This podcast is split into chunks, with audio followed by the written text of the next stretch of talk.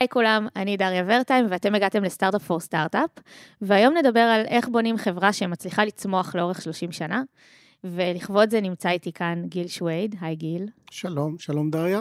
אה, שנגיד שאתה אחד המייסדים והמנכ"ל של צ'ק פוינט, אה, וגם אה, שווה להגיד שאתם בעצם השנה חוגגים 30 שנה מאז ההקמה של צ'ק פוינט, ובהרבה מובנים הסיפור שלכם זה הסיפור של ההייטק הישראלי.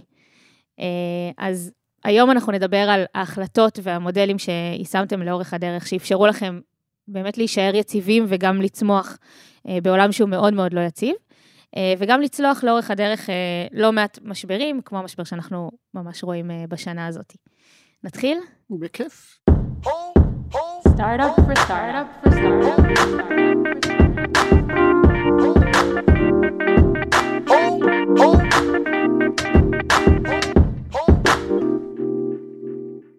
באמת אולי, אולי נתחיל באיזושהי הקדמה קצרה ל, ללמה אנחנו עושים את הפרק הזה ולמה רצינו להקליט איתך. אמ, ועכשיו, קצת אה, כשדיברנו לפני ההקלטה, אז, אז אה, אמרתי לך שבאמת אה, חברת הייטק שקיימת 30 שנה, זה לא משהו שאנחנו יכולים לראות הרבה, לא בעולם וספציפית, גם לא בישראל, בסוף זה שוק שהוא יחסית יחסית חדש. ואני חושבת ש... באמת, כמו שאמרתי בפתיח, הסיפור שלכם הוא לאורך הדרך, הוא גם מאוד מזכיר את הסיפור של ההייטק הישראלי ככלל. כאילו, ממש נוצרתם כש, כשנוצר האינטרנט, נכון?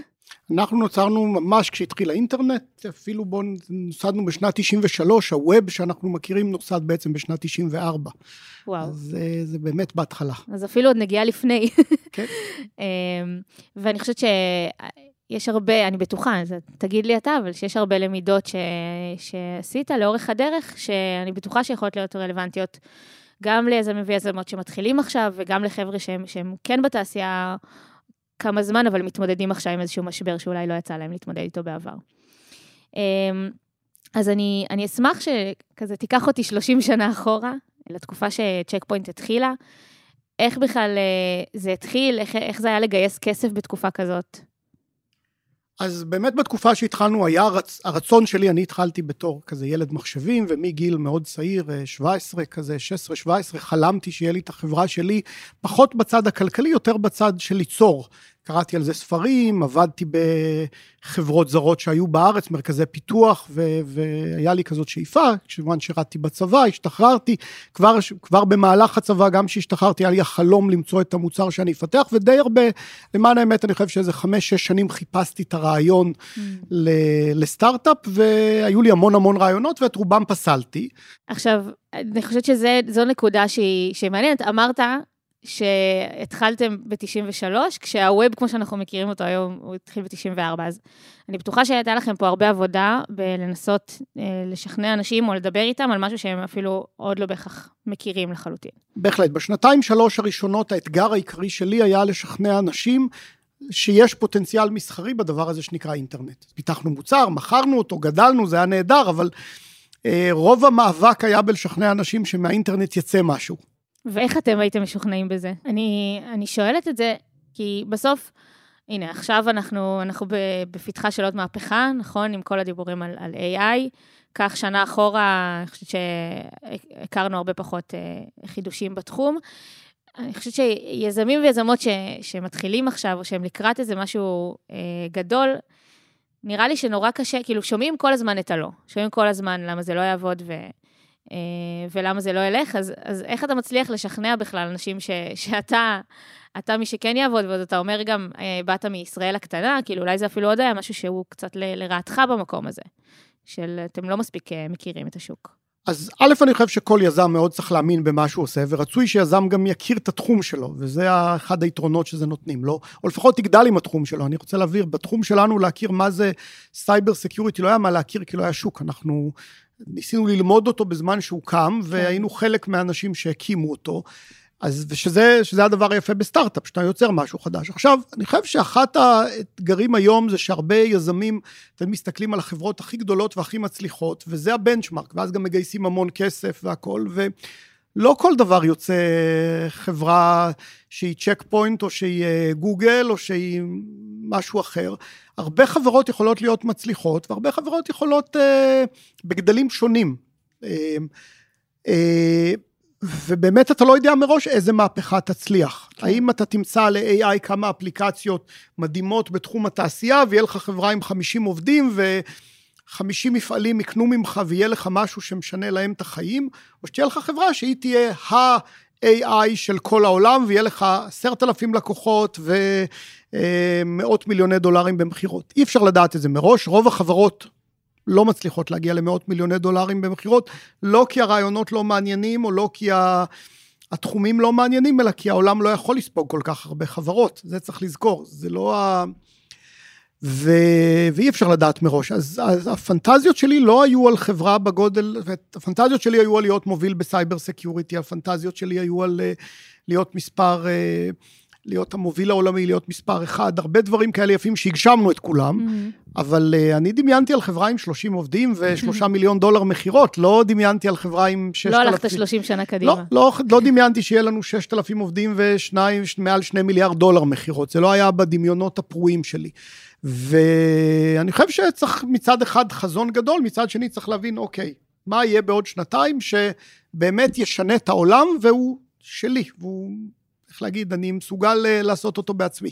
אז איך, איך מביאים, כאילו נכון, באמת במצב שלכם לא נכנסתם למשהו קיים, הצלחתם לגייס כסף, אתם צריכים עכשיו אה, מפתחים שמתעסקים גם בסייבר, ואנשי מוצר, שאני בכלל לא יודעת אם, ה, אם השם הזה היה קיים אז.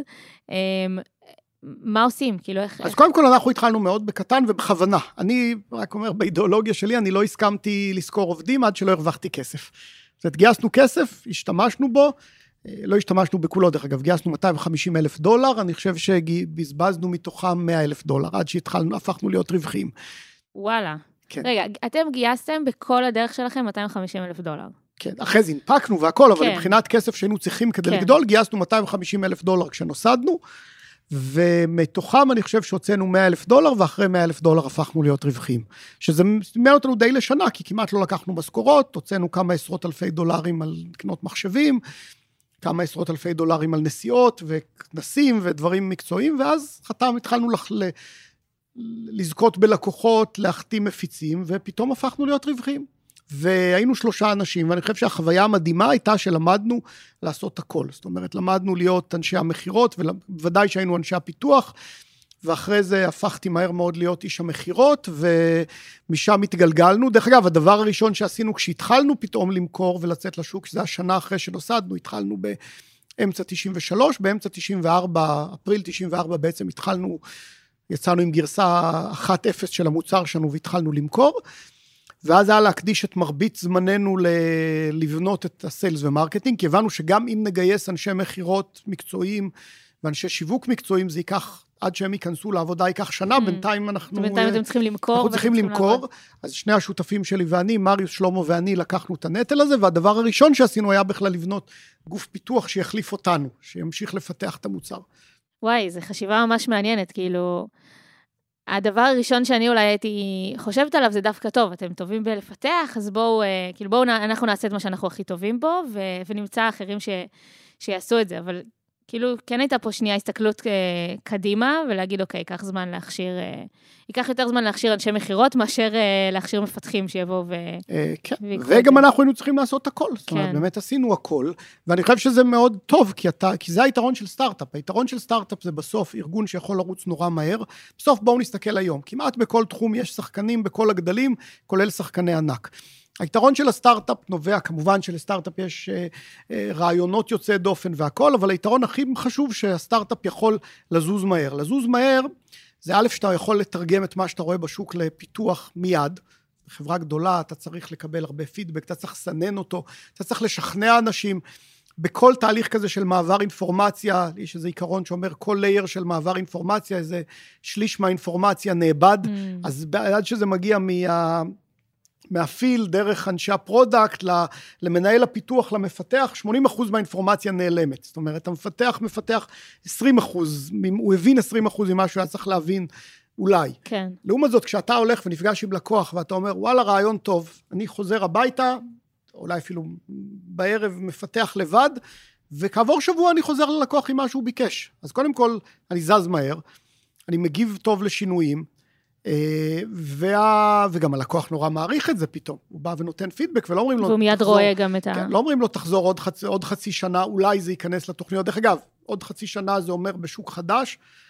שוק יציב זה יכול להיות בסדר, הלקוח נותן לך רעיונות לעוד שנה ושנתיים. בשוק כן. חדש, אם הלקוח צריך משהו היום, ותבוא אליו בעוד חצי שנה, או שהוא כבר לא שם, או שהוא כבר קנה ממישהו אחר. בדיוק, רוב הסיכויים שתאבד אותו. תאבד אותו. ואולי יהיו אחרים שיצטרכו את זה, ואולי אחרים יצטרכו דברים אחרים. ואם אתה בא אליו כעבור שבוע, הוא אומר, וואו, זה אלה שמבינים אותי, ולאט לאט המוצר שלך נהיה, כמובן בהנחה שבאת מראש עם מוצר שהוא בכיוון נכון, הופך להיות משהו שהוא מאוד מאוד מדויק לצורכי הלקוחות. אז זה היתרונות של סטארט-אפ. עכשיו, ברגע שסטארט-אפ הופך להיות כבד, מגייס המון אנשים, מגייס, בשביל זה הוא צריך לגייס גם המון כסף, שזה בדיוק הדבר שלפי דעתי קלקל להרבה סטארט-אפים, העודף משאבים, הוא פתאום הופך להיות גם איטי, ואז הוא אה, שוב פעם מתנהל כמו חברה גדולה, ולפעמים מצליח, ולפעמים לא מצליח, כי החברות הגדולות מצליחות. זהו, אני, אני רציתי לשאול אותך על זה, כי אתה מתאר פה מצב שגייסתם כסף, אבל בסוף התנהלתם איתו בצורה מאוד מאוד אה, רזה ומצומצמת עד שהתחלתם להרוויח. יכולתם גישה, לקחת גישה אחרת, אה, ומיד לגייס עובדים, מיד לגייס מפתחים, ואז אולי כן לצמוח יותר מהר, אולי כאילו... אז קודם כל, בשנים הראשונות שלנו היום, אנחנו בהחלט מחפשים איך לצמוח יותר כן. מהר. בשנים הראשונות שלנו צמחנו מאוד מאוד מהר. זה לא הייתה הבעיה, Mm-hmm. ו... וזה לא הייתה בעיה גם כי, כי באמת אנחנו זזנו מהר, אני רק רוצה להבהיר. זה, עכשיו, דווקא פה אני כן ניתן, פתח סוגריים היתרון שלנו בתור ישראלים. לא כי הישראלים יותר טובים, ממש לא. אנחנו טובים, יש גם אחרים. דווקא כי יש לנו את כל החסרונות של להיות רחוקים מהשוק. מעט משאבים, כל הדברים האלה, שכל החסרונות האלה של להיות מנותק מהלקוח שלך במרחק טיסה, לא, תזכרו, לא היה זום, לא כלום, זה היה להיות, לחיות על מטוסים. ואיך אתה בעצם בעולם הזה לוקח את החסרונות האלה והופך אותם ליתרונות. כן. אז. למשל, המתחרים שלנו הראשונים בנו מערכות מאוד יקרות, מאוד כבדות, כל לקוח שהיה צריך מערכת, בא צוות של שלושה ארבעה אנשים, ישב שבועיים, גבה 60 100 אלף דולר והתקין לו מערכת. אני אמרתי, אני לא יכול לעשות את זה, אין לי את האנשים, אני לא ליד הלקוחות, הלקוחות הם בניו יורק, בבוסטון, אני פה בתל אביב, אני צריך לבנות מוצר שהוא יהיה דיסקט, לא היה ווב, ווב דאונלוד, זה עוד לא היה הדבר הנפוץ, שהוא יהיה על דיסקט אחד, שהוא יהיה מאוד פשוט, ושכל אחד יוכל להתקין אותו, ולהגיד, וואו, I get it, אני מבין את זה, אני מבין איך זה עובד, אני לא צריך אנשים אחרים שיעזרו לי, Mm-hmm. ולמי אני משלם? למי אני שולח את הצ'ק? כי אני רוצה להשתמש בו. ובנינו כזה דמו מוד שיחזיק אה, שבועיים, ו... ואמרנו, ו... ועכשיו זה, עכשיו בשביל זה היינו צריכים לפתח, למשל בעולם שהמוצרים היו, כמו הרבה מוצרים היום, דרך אגב, מוצרים שמצריך להיות מומחה כדי להתקין אותם, מוצר עם graphical user interface, שאז זה היה דבר מהפכני, אה, התקנה בעשר דקות, וזה הפך להיות יתרון אדיר, לא רק בזה שהמוצר היה קל ופשוט ונחמד, שכולנו מבינים למה, אלא כי כשהיה צריך לגדול, המתחרים שלי היה להם צוות אחד שהיה יכול לעשות שתי התקנות בחודש, ואני יכולתי לשלוח 100 דיסקטים. כשאני הייתי מביא מפיץ חדש, ריסלר חדש, יכולתי לתת לו עשר קופסאות ולהגיד, לך לעשרה לקוחות. כן. מוצר אחר, הוא היה צריך שבוע, שבועיים לכל לקוח. עכשיו גם, פה גם הבחירה המסחרית משתנה. מפיץ שעכשיו צריך להחליט האם לכל לקוח הוא צריך להשקיע שבוע עבודה, או שללקוח הוא משקיע שעתיים עבודה, כי בסוף, ה- זאת אומרת, חצי שעה דמו ועוד חצי שעה התקנה. הרבה יותר קל לו להמליץ על המוצר אה, שקל להתקין אותו. כמובן שאני גם מאמין שהמוצר, אני לא מאמין, המוצר שלנו היה הרבה יותר טוב, אבל בלי קשר אפילו לזה שהמוצר יותר טוב, המגבלה הזאת של היותנו ישראלים הפכה להיות יתרון אדיר בצמיחה. זהו, אתם, אז ממש כזה אמרת, מה אין לי, ואז מה זה מאפשר לי לעשות. כן, כאילו זה... וזה, וזה הפך להיות האנבלרים הכי גדולים. Uh, הנושא של uh, להגיע ל-large number of customers בתוכנה, בהתחלה היה נתן לנו יתרון אדיר, הוא גם גרם לנו להחתים אוימים גדולים, כמו חברת סאן, שאז הייתה, שלטה בכל תחום שרתי האינטרנט, ובגלל שהמוצר שלנו היה כזה, לקחה, אימצה אותו, כי היא יכלה למכור אותו לאלפי לקוחות, וזה נתן לנו מנוף אדיר בשיווק. אז גם כשאתם התחלתם, מראש חשבתם איך זה, כזה, מה הדרך הכי קצרה לרווחיות? זה אפילו לא היה לרווחיות, הדרך, א', כן, אני, ואני גם רוצה להגיד, אה, אני כן, בואו נסתכל רגע על שוק ההייטק, והיום יש איזה קונספט שאתה צריך להפסיד הרבה כדי לגדול, ואתה צריך להשקיע כן. המון. לי קצת קשה להסכים עם הקונספט הזה. השוק שלנו צריך להיות השוק של תוכנה. נקרא לו כל שוק התוכנה, מהמם. צריך להיות שוק מאוד רווחי. איש מכירות טוב בתוכנה, אמור לייצר, אה, סתם, אני אזרוק מספר עגול, אבל יכול להיות קצת יותר, יכול להיות פחות, מיליון דולר ב, בהכנסות בשנה. כן. הוא אמור לעלות הרבה פחות. אז אם אני מגייס חמישה אנשי מכירות, הם צריכים לייצר לי הרבה רווח. מפתחים טובים, מה ה fixed cost של להגיע למוצר, זה יכול להשתנות בהרבה תחומים, אבל זה fixed cost. ואתה רואה היום תחומים שזה לא עובד, להפך, עכשיו יש תחומים אחרים שזה לא איש מכירות enterprise software, אלא זה שיווק דיגיטלי, זה גם דבר שאמור להיות רווחי בקלות. התעשייה שלנו היא תעשייה רווחית, היא לא תעשיית low margin, היא תעשיית very high margin. וזה שכולם לא מבינים את הדבר הזה ומשקיעים המון ויורים לכל הכיוונים ומפסידים ערימות של כסף, זה טעות כי אני לא חושב שזה נותן יתרון לחברות, זה נותן להם חיסרון, החברות הופכות להיות מסורבלות יותר, איטיות יותר, פחות מפוקסות, פחות ממוקדות, וכל עוד האספקת הכסף האינסופית הזאת נמשכת, אנשים משלים את עצמם שזה עובד טוב. וברגע שיש בעיה קטנה, שהגרוף לא גדל, או שהמשקיעים לא נותנים לך את הכסף, אתה נתקע ואז זה משבר ענק. ולפתור משברים זה הרבה הרבה יותר יקר מאשר לבנות את הדברים נכון. אז אני כן מאמין ביכולת הזאת לבנות משהו, לראות שהוא עובד טוב, ואז לשכפל אותו פי אלף, ובתוכנה אתה יכול לשכפל, זה היתרון.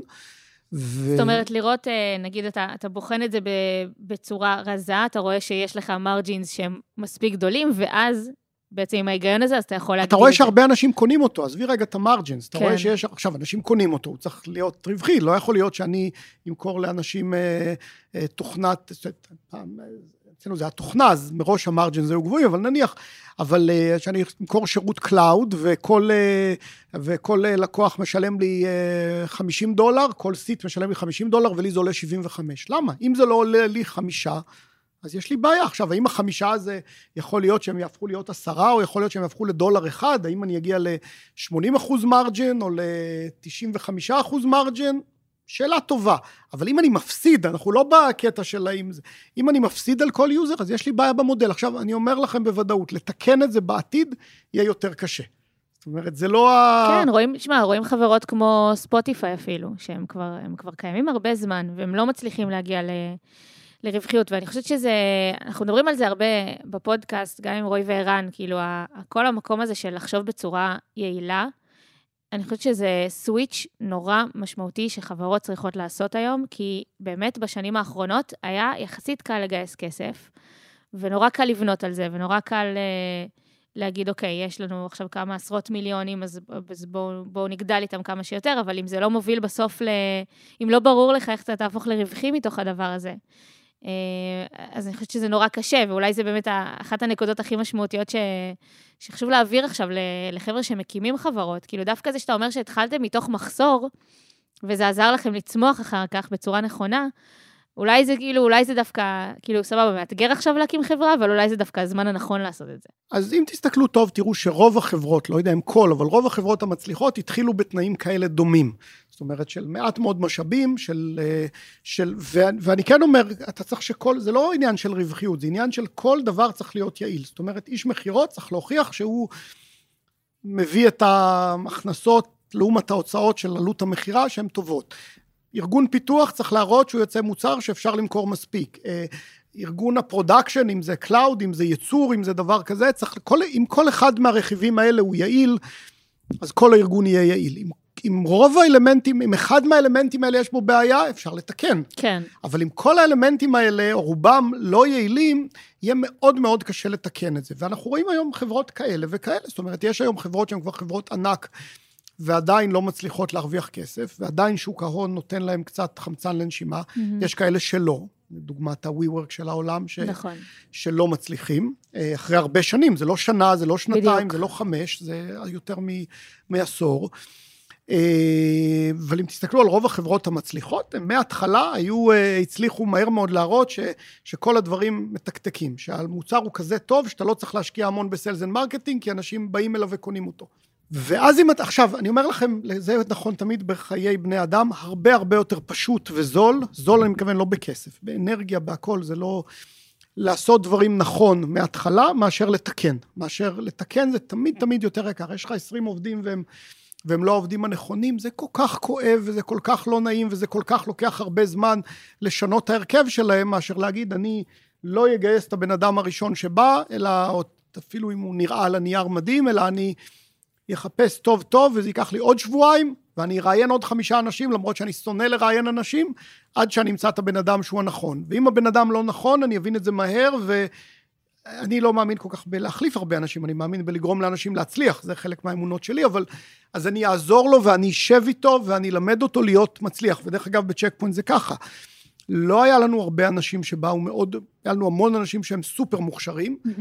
מעט מאוד אנשים שהיו מנוסים, וכמעט כל האנשים פה גדלו, בין אם זה במכירות ובין אם זה בפיתוח, והפכו להיות מילדים מוכשרים, אני אגדיר את זה ככה, לסופרסטארים ו, ומנהלים, מנהלי ענק. שזה גם עוד איזושהי גישה ליעילות, כי מן הסתם זה גם משפיע על, על המשכורת שצריך לשלם להם בתחילת הדרך, וכסטארט-אפ קטן זה, זה משמעותי. זה גם משמעותי, כי אם אתה יוצר תקדים ואתה מגייס הרבה אנשים סופר מנוסים, סופרסטארים, מבוגרים ומוצלחים, אולי גם יקרים בגלל זה, זה היה הארגון שלך. עכשיו, ארגון כזה לא יכול למצוא, לא, עזבי רגע את הכסף, אמרנו, כסף יש. אין המון הרבה אנשים כאלה. כן. אי אפשר לבנות ארגון עם 50 אנשים כאלה או עם 100 אנשים כאלה, אפשר שלושה, אפשר חמישה, אין הרבה סופרסטארים בעולם.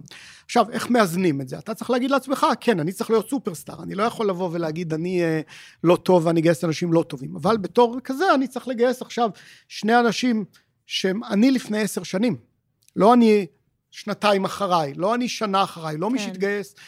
אלא אני אחרי, אני לפני עשר שנים. לזהות ולג... את הפוטנציאל. לזהות את הפוטנציאל ולגדל אותם. גם בסוף אה, אמרתי בהתחלה שזה אולי, זה עולה פחות אה, לגייס חבר'ה כאלה מאשר אה, את הסופרסטארים כבר, אבל, אבל גם ההכשרה של האנשים האלה גם עולה כסף. בסוף אם אתה משקיע... אני ב... לא חושב שההכשרה עולה זמן, קודם זמן, כל, והזמן כן. הזה הוא שווה כסף, אבל זה לא קשור, כי כעבור שלושה חודשים אתה, או כעבור חצי שנה, או כעבור שנה, אתה רואה את ההחזר. כן. כי בסוף זה כן משפיע על איך כל, נראה כל הארגון. אם כל הארגון שלך ולאט לאט הארגון, אם אתה מחפש רק אנשים סופר מנוסים וסופר כאלה, אתה לא תמצא, פשוט אין מספיק אנשים כאלה בעולם ובארץ. אז אתה צריך ללמוד, אם אתה רוצה, אז או שאתה אומר, אני אלך לארגון שהוא יקר ובינוני, וזה לא טוב, אחרי שנתיים, שלוש, או שאתה אומר, אני ארגון שהוא, אה, איך להגיד, אה, יעיל, צעיר, מתפתח ונותן הזדמנות. הזכרת קודם ש... עדיף לעשות את ה... ללמוד בקטן מאשר אה, לתקן אחר כך. יש מקומות שאתה מרגיש ש, ש, שעשית איזה, שעשיתם איזושהי טעות שהייתה משמעותית, או דברים שהייתם צריכים כזה להתמודד איתם בדיעבד? תמיד עושים טעויות ומתקנים אותם, אז אני משתדל שהטעויות האלה יהיו, שוב פעם, גם היום הקונספט זה תפתח משהו, תעשה פיילוט, אם הפיילוט מצליח תנסה להבין, פיילוט תמיד יש מה לשפר, ואז תראה לא רק שהצלחת, אלא שאתה מסוגל לשכפל את זה. החוכמה היא תמיד אם אנחנו מדברים על ה-high growth businesses, אז אתה צריך לראות אם אתה יכול לשכפל את זה. ואז אתה, אז לפעמים אתה אומר, הפיילוט הצליח, מצאתי שני לקוחות, אבל אני לא יכול לשכפל את זה פי 100. דרך אגב, בזה רוב הסטארט-אפים נתקעים. ברוב הסטארט-אפים נתקעים בזה שהם מצאו שניים, שלושה לקוחות עוגן. גם היום, בואו לא נתבלבל, זה לא שסטארט-אפים שיש להם אה, מימון והכול, הם מגייסים המון אנשי מקצוע. כמעט תמיד היזם, שהוא גם המנכ"ל, היום מודל זה שהוא נוסע לחו"ל והוא עובד עם הלקוחות, כן. וה... זה לא בגלל שהוא איש מכירות מומחה, אלא בגלל שהוא מבין את התחום, בגלל שיש לו את התשוקה לזה, ובגלל שהוא מסוגל לחבר את כל החלקים. והוא מביא את המכירות, ואז השאל, והרבה פעמים איפה הם נתקעים? כשהם מביאים שני לקוחות, חמישה לקוחות, עשרים לקוחות, ואז לא מצליחים to scale. הם מצאו את הלקוחות דגל האלה, זה נהדר, אבל אי אפשר לשכפל את זה למאה הבאים ולמאתיים הבאים ולאלפיים הבאים. כי נגיד אה, המנכ"ל או המנכ"לית מצליחים לעשות את זה על בסיס ההיכרות שלהם בתחום, והיכרות אישית אולי עם אנשים, אבל אז כשברגע שצריך להגדיל את הארגון ועוד אנשים צריכים אה, לעשות את זה, אז שם מגיעים האתגרים? אז מגיעים האתגרים, אז מגלים שמה שהמנכ"ל עושה כי הוא מבין וכי הוא מומחה וכי הוא בא עם איזה... יש פה באמת עניין של פשן לעניין שהלקוח כן. רואה את זה, שהוא לא מצליח לשכפל את זה. והחוכמה היא איך מתחילים לשכפל את זה בשלב קטן. עכשיו, זה לא בהכרח יהיה אותה יעילות, דרך אגב, צריך לזכור, לא כל המנכ"לים הם כאלה אנשי מכירות מדהימים. נכון. צריך למצוא את המכונה הזאת, שאתה מסוגל לשכפל את זה על ארגון גדול. ובשביל זה צריך לבנות הרבה מנגנונים, בין אם זה, שוב פעם, מה התהליך, איך אתה מתקשר, איך אתה עושה דמו, איך נראה המוצר, הכל צריך לזרום, יש עשרות פרטים שלא תמיד אנחנו שמים לב אליהם, אבל הם כולם שם. עכשיו, כשאתה חווה את זה על עצמך, כשאני הייתי איש המכירות, אז אני שמתי לב שהדמו, באיזה slide הלקוח נרדם, ומיד החלפתי אותו. שוב פעם, לא צריך ללכת למחלקת marketing גבוהה, גדולה, זה אני. וכשה... אתן לכם דוגמאות. אני באתי לעשות דמו למוצר, זה היה על דיסקט, הראיתי ללקוח פרזנטציה, הבנתי, מהר מאוד, שללקוח יש בערך, אה, לי יש שעה מהזמן של הלקוח. אני צריך, אה, איך להגיד, לזכות בלב שלהם, או לזכות באטנשן שלהם ב-20 דקות הראשונות. אז לכן אין לי זמן לבזבז הרבה בהסברים, ואחרי זה, אם הם מעוניינים, יגידו לי, אוקיי, בוא תראה לי דמו, בוא תתקין את המוצר. שמבחינתי הדמו זה היה ממש להתקין את המוצר על הקו האינטרנט שלהם. כן. עכשיו, אם לעשות את הדמו הזה, או בעצם לא, הדמו ואחרי זה להתקין על הקו האינטרנט שלהם, ולהכל בשעה אחת, כי זה הזמן, מה, ש... זה הזמן זה שיש הזמן. שיש להם לתת לי, כן. לכל אחד, לכל... ואז זה אומר שלמשל, איך אני עושה את הדמו? אז אני באתי עם דיסקט ואמרתי, הנה, תתקינו את הדיסקט ותראו איך זה רץ. ואז גיליתי שיש גרסאות שונות של מערכות הפעלה אצל הלקוח. זה לא רץ על כולם, או שלחלק אין את הכונן דיסקטים. כל מיני דברים שהם מאוד מאוד טכניים. אז באתי ואמרתי, אני אבוא עם מחשב. עכשיו, היום מחשב זה לפטופ, אז פחות היו לפטופים, זה היה מחשב סאן, שזה היה קופסה, מצאנו את הכי קטן, זה היה עדיין קופסה גדולה. ואז זיהינו שה... כבל המוניטור משתנה אצל כל לקוח, כי לא היה סטנדרט אחד. ואז באנו עם מוניטור. עכשיו, אז רצנו כמו צנחנים, זה לא מצחיק, היה בנינו תיק ענק, קיטבג ענק כזה של צנחנים עם ספוגים, שבתוכו יש מסך, מסך זה לא המסכים של ה flat של היום, זה המסכים המרובעים כן, הגדולים בגודל של, של פעם, בית. ומחשב, וכבלי מתח, והיה לנו כזה ממש כמו בצבא, לא באתי מרקע של צנחנים, אבל בכל זאת זה ככה, רצנו ברחובות הקפואים של בוסטון עם כזה פק"ל של 20 קילו על הגב. הגענו ללקוח והיינו יכולים תוך שלוש דקות להרכיב את זה ולעשות דמו, והדמו תמיד היה מצליח כי זה היה הציוד שלנו. ואחרי זה באנו והתקנו למערכות שלהם, שב-90% מהמקרים גם הצליח. וכל שלב כזה למדנו על בשרנו. אני הייתי נוסע לחו"ל, נוסע שבוע, נפגש עם לקוחות, לומד איך אני מגיע לזה שהיילד בפעם הבאה שלי לא יהיה 40 אחוז, אלא 90 אחוז, בהצלחה של דמוי.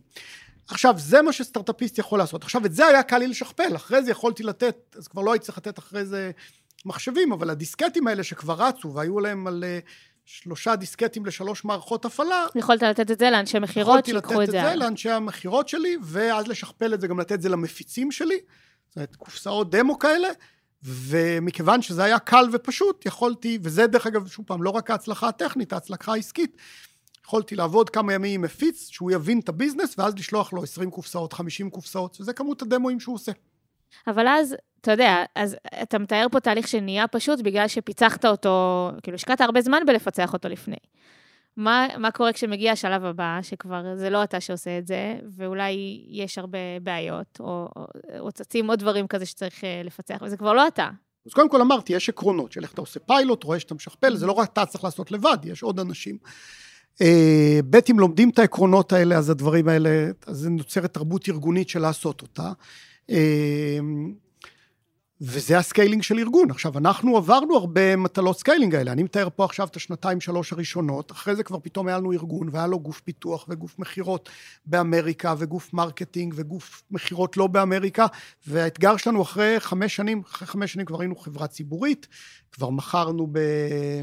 נניח, אה, גדלנו מ-30 ל-80 מיליון דולר במכירות. ועכשיו האתגר שלנו היה לגרום לזה להיות ארגון אחד שעובד ביחד, שלא כן. מושתת רק על, אה, על אה, קבוצה של שניים, שלושה founderים שמחברים אותו, אלא שיודע לעבוד ביחד. זה היה שלב מאוד מעניין של scaling, שחצינו אותו בהצלחה לפני עשרים ומשהו שנה, ומאז זה ממשיך, זאת אומרת, זה תהליך אבולוציוני של כל פעם, מה השלב הבא, איזה אנשים, איזה תהליכים, איזה תהליכים צריך להגדיר מחדש. במה אני מעורב, במה אני לא מעורב. עד היום, דרך אגב, יש לי reputation של מנהל שמעורב בכל פרט בארגון. הלוואי שהייתי יכול לעשות את זה, וכבר 15 או 20 שנה אני לא עושה את זה, ועדיין הרפיוטיישן שלי הוא כזה. חלק מזה כי עשיתי את זה פעם, כן. וחלק מזה כי גם היום, כשאני מנסה לפרק בעיה או להבין משהו, אני לא מתבייש להגיד למישהו, לדגום איזה משהו אחד מבין האלף דברים שקורים בצ'ק פוינט, ואני רוצה לראות את כל הפרטים, מלמעלה עד למטה, ואני תמיד לומד. כדי להבין לעומק. כדי להבין לעומק, ואני תמיד לומד. ברוב המקרים אני מקווה שאנשים רואים בזה דבר חיובי, כי הם רואים שאני מתעניין במה שהם עושים ושזה מעניין. לפעמים זה גם לא נעים, כי אני מוצא דברים בסיסיים ש, שלא עובדים טוב, אבל אז אפשר לתקן אותם. זה לא בא מכוונה, בא מכוונה של לשפר. כן. ולא למסך אותם בזה שאנחנו, זה לא, זה לא מעניין. הכל מעניין. חברה זה איזה מכונה שצריכה לעבוד נורא יעיל, ואם יש פריט אחד שלא עובד טוב, אם הריספשניסט בקבלה לא תקבל אתכם יפה, זה כבר ייצר רושם רע שחבל שהוא, אה, שאם הייתי יכול לתקן אותו, נעבור אותו, זה לא סוף העולם, אבל אם אני רואה את זה ואני אומר וואלה, הקבלה לא נראית טוב, אפשר לתקן את זה והקבלה תיראה טוב, שבוע אחרי זה יגיעו פה לקבלה עוד מאות אנשים ופתאום התהליך הזה שווה המון כי ה experience של כולם יהיה יותר טוב. כן, אתה יודע, אתה, אתה מתאר פה גם דרך הגיוס עובדים וגם החיבור לפרטים היותר קטנים, אה, גם כשאתם בחברה מאוד גדולה, זה, זה איזשהו mindset של, אה, של לשאוף להיות הכי טובים, גם כשאתם כבר גדולים, גם כשכביכול החברה במצב טוב, ולא צריך עכשיו שכל אה, פרט יהיה הכי הכי מדויק, אבל, אבל יש פה איזה משהו ש, שאני בטוחה שהוא, שהוא, שמרגישים אותו גם בתרבות ביומיום, של לשאוף אה, להיות מצוינים, כאילו, אני חושבת שזה... אני אומר שזה בא בכל פרט. עכשיו, לפעמים צריך לאזן את זה, לפעמים צריך להגיד, וואו, התהליכים הם צריכים להיות, היה שנים לפני כן, מתי זה בא על חשבון מהירות? מה, או... זה בא על חשבון מהירות, מתי זה בא על חשבון, נגיד, היה תקופה שבה לקוחות לפני שנות ה-90 על, על, על, על, על האיכות של דברים, אז אמרנו איך אנחנו נצא מהר עם מה שאנחנו קוראים service pack, לכל גרסה עוד service pack ועוד service pack, שכולם ירגישו, גם ארגון הפיתוח שהוא צריך לשפר, וגם הלקוחות שיש בעיה, תוך כמה ימים מתקבל לא גרסה חדשה, אלא service pack חדש. אז, אז עשינו, רצנו ככה שנה, אחרי שנה פתאום הפידבק שקיבלנו זה שהאיכות היא נהדרת, וה responsiveness הוא נפלא, ויוצאים הרבה service packs, אבל מה עם הפיצ'רים? כי פתאום mm. זה נהיה יותר מדי לכיוון הזה. אז מיד שינינו את הקונספט ואמרנו מעכשיו אין service packs, יש feature packs. וה feature packs יגיעו מהר. ואז זה שוב פעם שינה קצת את הפוקוס של הארגון, להגיד, כן, עכשיו, את הצורת עבודה. service pack, feature pack, שניהם זה עוד גרסת תוכנה שיש בה איזה יכולות. עכשיו, השאלה רק מה ה balance, האם אתה צריך להוכיח ששיפרת מהירות אמינות, או שיפרת, או הוספת פיצ'רים שהם משמעותיים. והדגשים האלה לא, זה, זה לנצח, זאת אומרת, כל פעם אתה הולך לאיזה כיוון, קצת יותר מדי, צריך לאזן את זה, זה אף פעם לא מושלם, ולהבין במה אתה צריך להשתפר. רציתי לשאול אותך באמת על, אה, כזה על תכנון קדימה ועל, הזכרת קודם שכבר עברנו כמה מהפכות ב, ב, בתעשיית ההייטק, אז גם את ה... כאילו, מרגיש לי שמה שאמרת עכשיו גם מתחבר לזה. של איך מוודאים, כשחברה קיימת 30 שנה, שאתם, שאתם uh, מת, מתייחסים לטכנולוגיות הכי עדכניות כמו סטארט-אפ שקם עכשיו, ושאתם נותנים מענה לבדיוק מה שצריך, ולא נשארים כזה תקועים במרכאות במה שאתם כבר טובים בו. אה, א', זה לא קל, ב', גם קל לפספס בזה, כדי להגיד, וואו, יש לי חברה ענקית, אני אשקיע בתחום החדש, וגס וואט, התחום הקיים מייצר מיליארד דולר, התחום החדש הוא מדהים וזה, אבל הוא יכול לייצר רק עשרה, כי הוא עדיין חדש. כן. ואיך אתה לא נופל, כי אתה לא יכול להפסיד את המיליארד תמורת עשר, אתה צריך להמשיך לעשות את שניהם. דרך אגב, טעות מאוד טיפיקלית לחברות גדולות, נגיד ראינו את זה עכשיו במטא, עם איזה שנים של הימור על... אה, אם אנחנו רואים מה קורה בימים אלה, מטא שבמשך אה, שנתיים שלוש הימרו את כל החברה על מטאוורס, ושינו את השם, כן, ועל, נכון. ועל VR, ויכול להיות ש-VR יקרה יום אחד, אני לא מומחה בתחום, יכול להיות שהוא יקרה יום אחד, אבל הוא לא הולך להחליף... בינתיים הוא לא קרה. בינתיים ו... הוא עוד לא קורה, או הוא. קורה בסקייל מאוד קטן. ויכול להיות שיום אחד הוא יקרה והם צריכים להיות שם, אבל זה שהם איבדו קצת פוקוס גרם להם לאבד הרבה attention בתחום הזה. ועכשיו פתאום הם fighting uh, back עם Threads uh, ו tweeting, שבכלל מכל המטה הענקית הזאת, מה שאומרים שעובדו על זה 20 אנשים. כן. אז ה... ובזה מצליחים אולי לייצר, ועדיין עד בינתיים צריכים לשמור על ה core, שיש להם businesses נורא נורא גדולים. נכון. שהם הלקוחות, לא רק הכסף, זה הלקוחות. זה הלקוחות שלך הם לא ב... הם, הם בהיום, הם לא רק בעתיד. נזכור את זה ככה. Mm. עכשיו, א', אה, ארגון גדול, להבדיל מארגון קטן, זה כן צריך לזכור. ארגון גדול יכול להרשות לעצמו להשקיע בשניים, שלושה, חמישה דברים, אולי יותר. ולקחת בחשבון שגם חלקם אולי לא יצליחו. ולדעת שחלקם לא יצליחו, כן. או חלקם יהיו קטנים, לנו יש המון המון טכנולוגיות מדהימות. סתם, תסתכל על טכנולוגיה מדהימה שאנחנו משקיעים בה כבר שמונה שנים, אבטחת אה, טלפונים סלולריים. דבר שלפי דעתי הוא סופר חשוב. זה ה... עקב אכילס של כל ארגון וכל בן אדם, המכשיר הזה, המובייל פון שלנו, עוקב אחרינו 24/7, יכול לגרום לנו נזק רב להיכנס לכל המערכות שלנו, וכמעט אף ארגון לא מאבטח את המובייל פון שלהם. אז החלטנו להשקיע בזה כבר לפני שמונה שנים, נראה מאוד טריוויאלי וברור. ובאופן, ויש לנו מוצר נהדר, והוא עובד, והוא תופס כל הודעת וואטסאפ עם uh, תוכן מלישס, uh, וכל הודעת אס.אם.אס כזאת, והוא מונע מאיתנו לגשת לאתרים, התחום הזה לא תופס, לא רק אצלנו. אין אף חברה בתחום הזה שהיא מצליחה... שכן, שהיא בולטת מאוד. שהיא בולטת או מצליחה למכור הרבה. הלקוחות לא קונים. אז בסדר, בתור חברה גדולה אני יכול להרשות לעצמי להחזיק צוות של כמה עשרות אנשים. ולקוות שזה יפרוץ. ולקוות שיום אחד זה כן. יפרוץ, וכל פעם לשאול את עצמי מחדש, אה, האם להשקיע יותר, האם להשקיע פחות, האם לשמור על זה עוד כמה שנים, איך כשזה יפרוץ אני כן אהיה שם וזה לא יעבור למישהו אחר. אבל שוב פעם, זה אחוז אחד מה business שלי, ואני יכול להרשות לעצמי. סטארט-אפ לא יכול להרשות לעצמו, כי אחוז אחד מה business זה 0.1 בן אדם, אין בזה מסה קריטית, בסדר? זה לא ה... או אחד או שני אנשים, זה לא מספיק מסה קריטית, וגם כן. אתה לא יכול לתת את ה attention הזה. אז בתור חברה גדולה אני צריך לשמור על ה core ועל הפוקוס ועל, ה... ועל להיות responsive ללקוחות שלי ולהבין מה הם רוצים, ואני צריך להשקיע המון בתחומים חדשים, באינוביישן. בתור חברה גדולה אני יכול להרשות לה, שוב פעם, זה כל פעם בלנס, איפה אני משקיע ומה ואיך. אבל אני יכול להרשות לעצמי. סטארט-אפ חייב להיות סופר סופר מפוקס, כי אם ה... זה לא משנה אם יש לך חמישה מפתחים או חמישים מפתחים, אתה לא יכול להיות להתפרס על עשרה תחומים. כשיש לך 1,500, אתה יכול שיהיה לך גם 150 אה, או 250 שעוסקים בעוד עשרה תחומים. אבל איך אתה, גם איך אתם יודעים לבדוק את ה...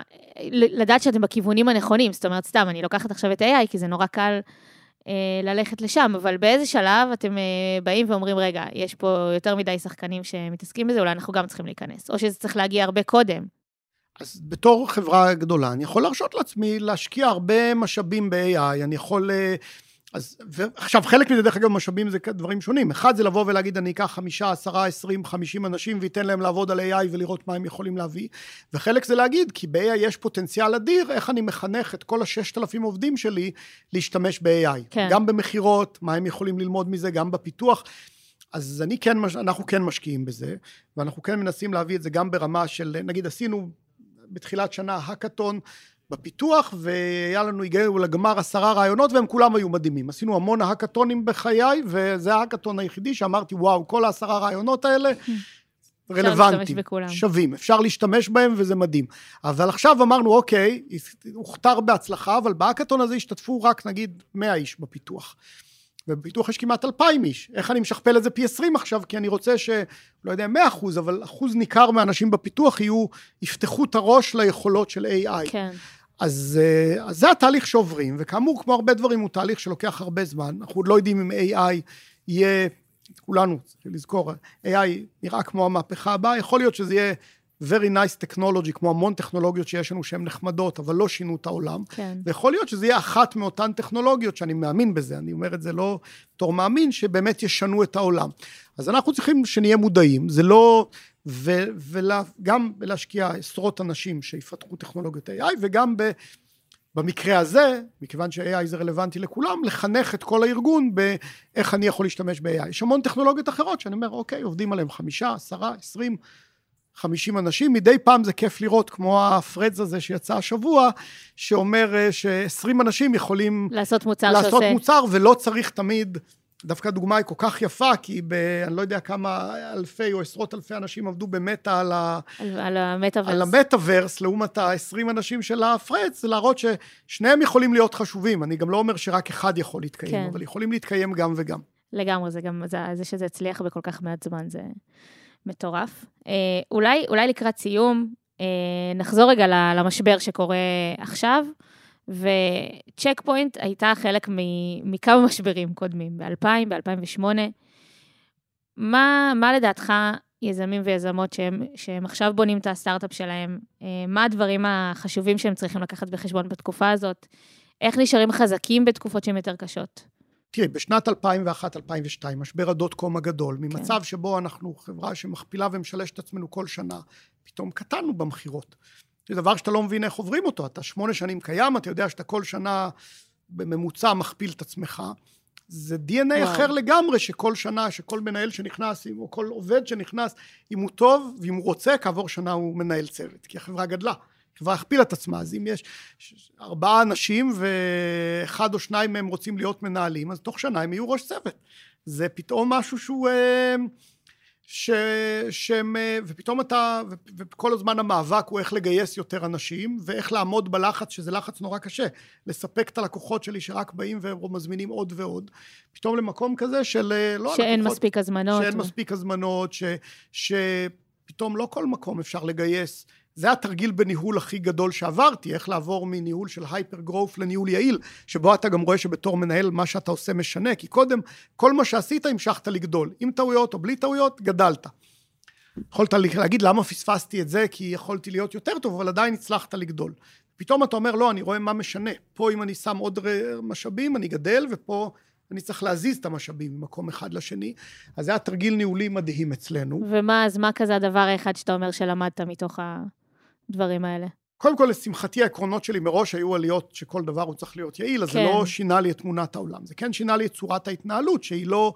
שעכשיו להכניס תהליכים של לתכנן טוב ולחשוב טוב על, על להצדיק כל השקעה ולהצדיק כל משרה. למשל, התהליכים האלה שקודם היו הרבה יותר לוס, כי פשוט תרוצו הכי מהר שאתם יכולים, ומי שרק יצליח להוציא עוד, לגייס עוד, יצליח, פתאום לכל צריך דבר, צריך לחשוב על כל דבר. להצדיק כל דבר כזה. להצדיק שוב פעם, עכשיו חלק זה ראו בזה תהליכים בירוקרטיים, חלק אה, זה ראו למה מאיטים אותנו, אבל התוצאה הייתה מאוד ברורה. אנחנו הצלחנו לשרוד את המשבר הזה, לצאת ממנו, לגדול, ו- to gain market share אפילו בדברים האלה, וכמובן לא לפטר אף עובד. וחלק היה גם איך בונים את התהליכים האלה נכון ובריא. נגיד, אני לא, לא אוהב שאנשים כותבים לי ממואים ארוכים, כי אני יודע שכמעט לאף אחד אין סבלנות לקרוא אותם, אז איך אני מלמד את העולם, את האנשים שלי, כל דבר לסכם ב-one page memo, לסכם בעמוד אחד. רקע, למה לעשות את זה, להצדיק את ההחלטה שלי, לתת את הנתונים, סיכום, המלצה, שאני יכול לקרוא ולהגיד, I got it. ואם אני רוצה to drill down, אז תסביר לי את כל הפרטים הלאה. אבל ללמד אנשים לתמצת רעיון ולזקק אותו, זה תכונה... זה אתגר, אה, זה אתגר לא פשוט. זה אתגר לא פשוט. היום, דרך אגב, אולי עם טכנולוגיות ה-AI זה קצת יותר קל, אתה אומר לו, תסכם לי את המסמך וזה מדהים. אבל uh, יש המון המון תהליכים כאלה שבנינו, איך להצדיק גיוס של עובד. אז פתאום נכנסתי לתהליך שאני מאשר גיוס של כל עובד. ותהליך מסודר, נקרא לו HR קומיטי שמתכנס פעם בשבוע, מביאים את כל הבקשות, גם איך מתמצתים את זה בעמוד אחד.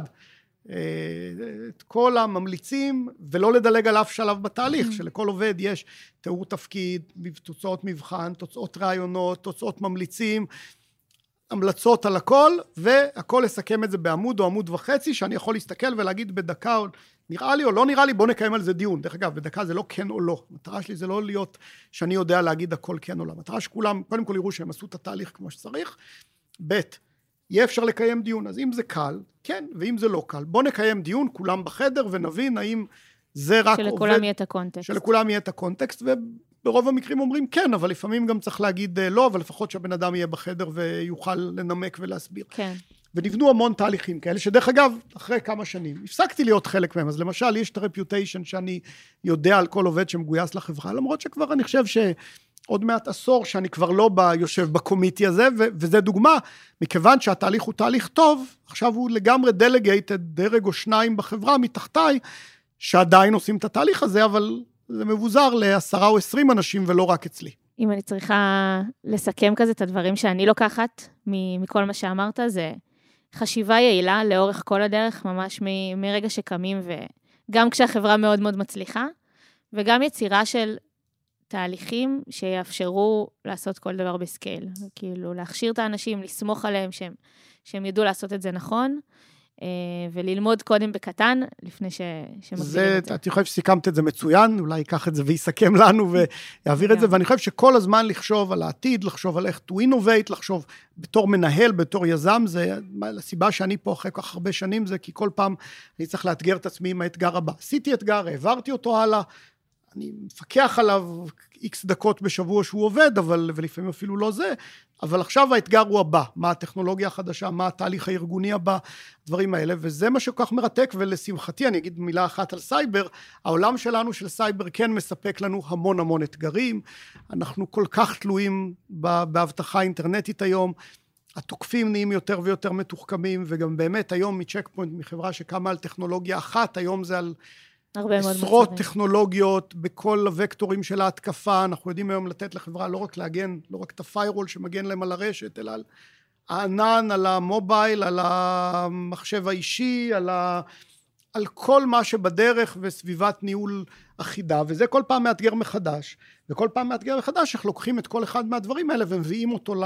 להיות א', חלק מדבר אחד גדול עם סיבה אחת לעשות אותו, וב' אה, להביא אותו למצוינות, שהלוואי ש- שאנחנו, שאנחנו כל הזמן שואפים אליה, זה כל הזמן לשאוף. מצוינות זה כל הזמן התהליך של לשאוף להיות יותר טוב.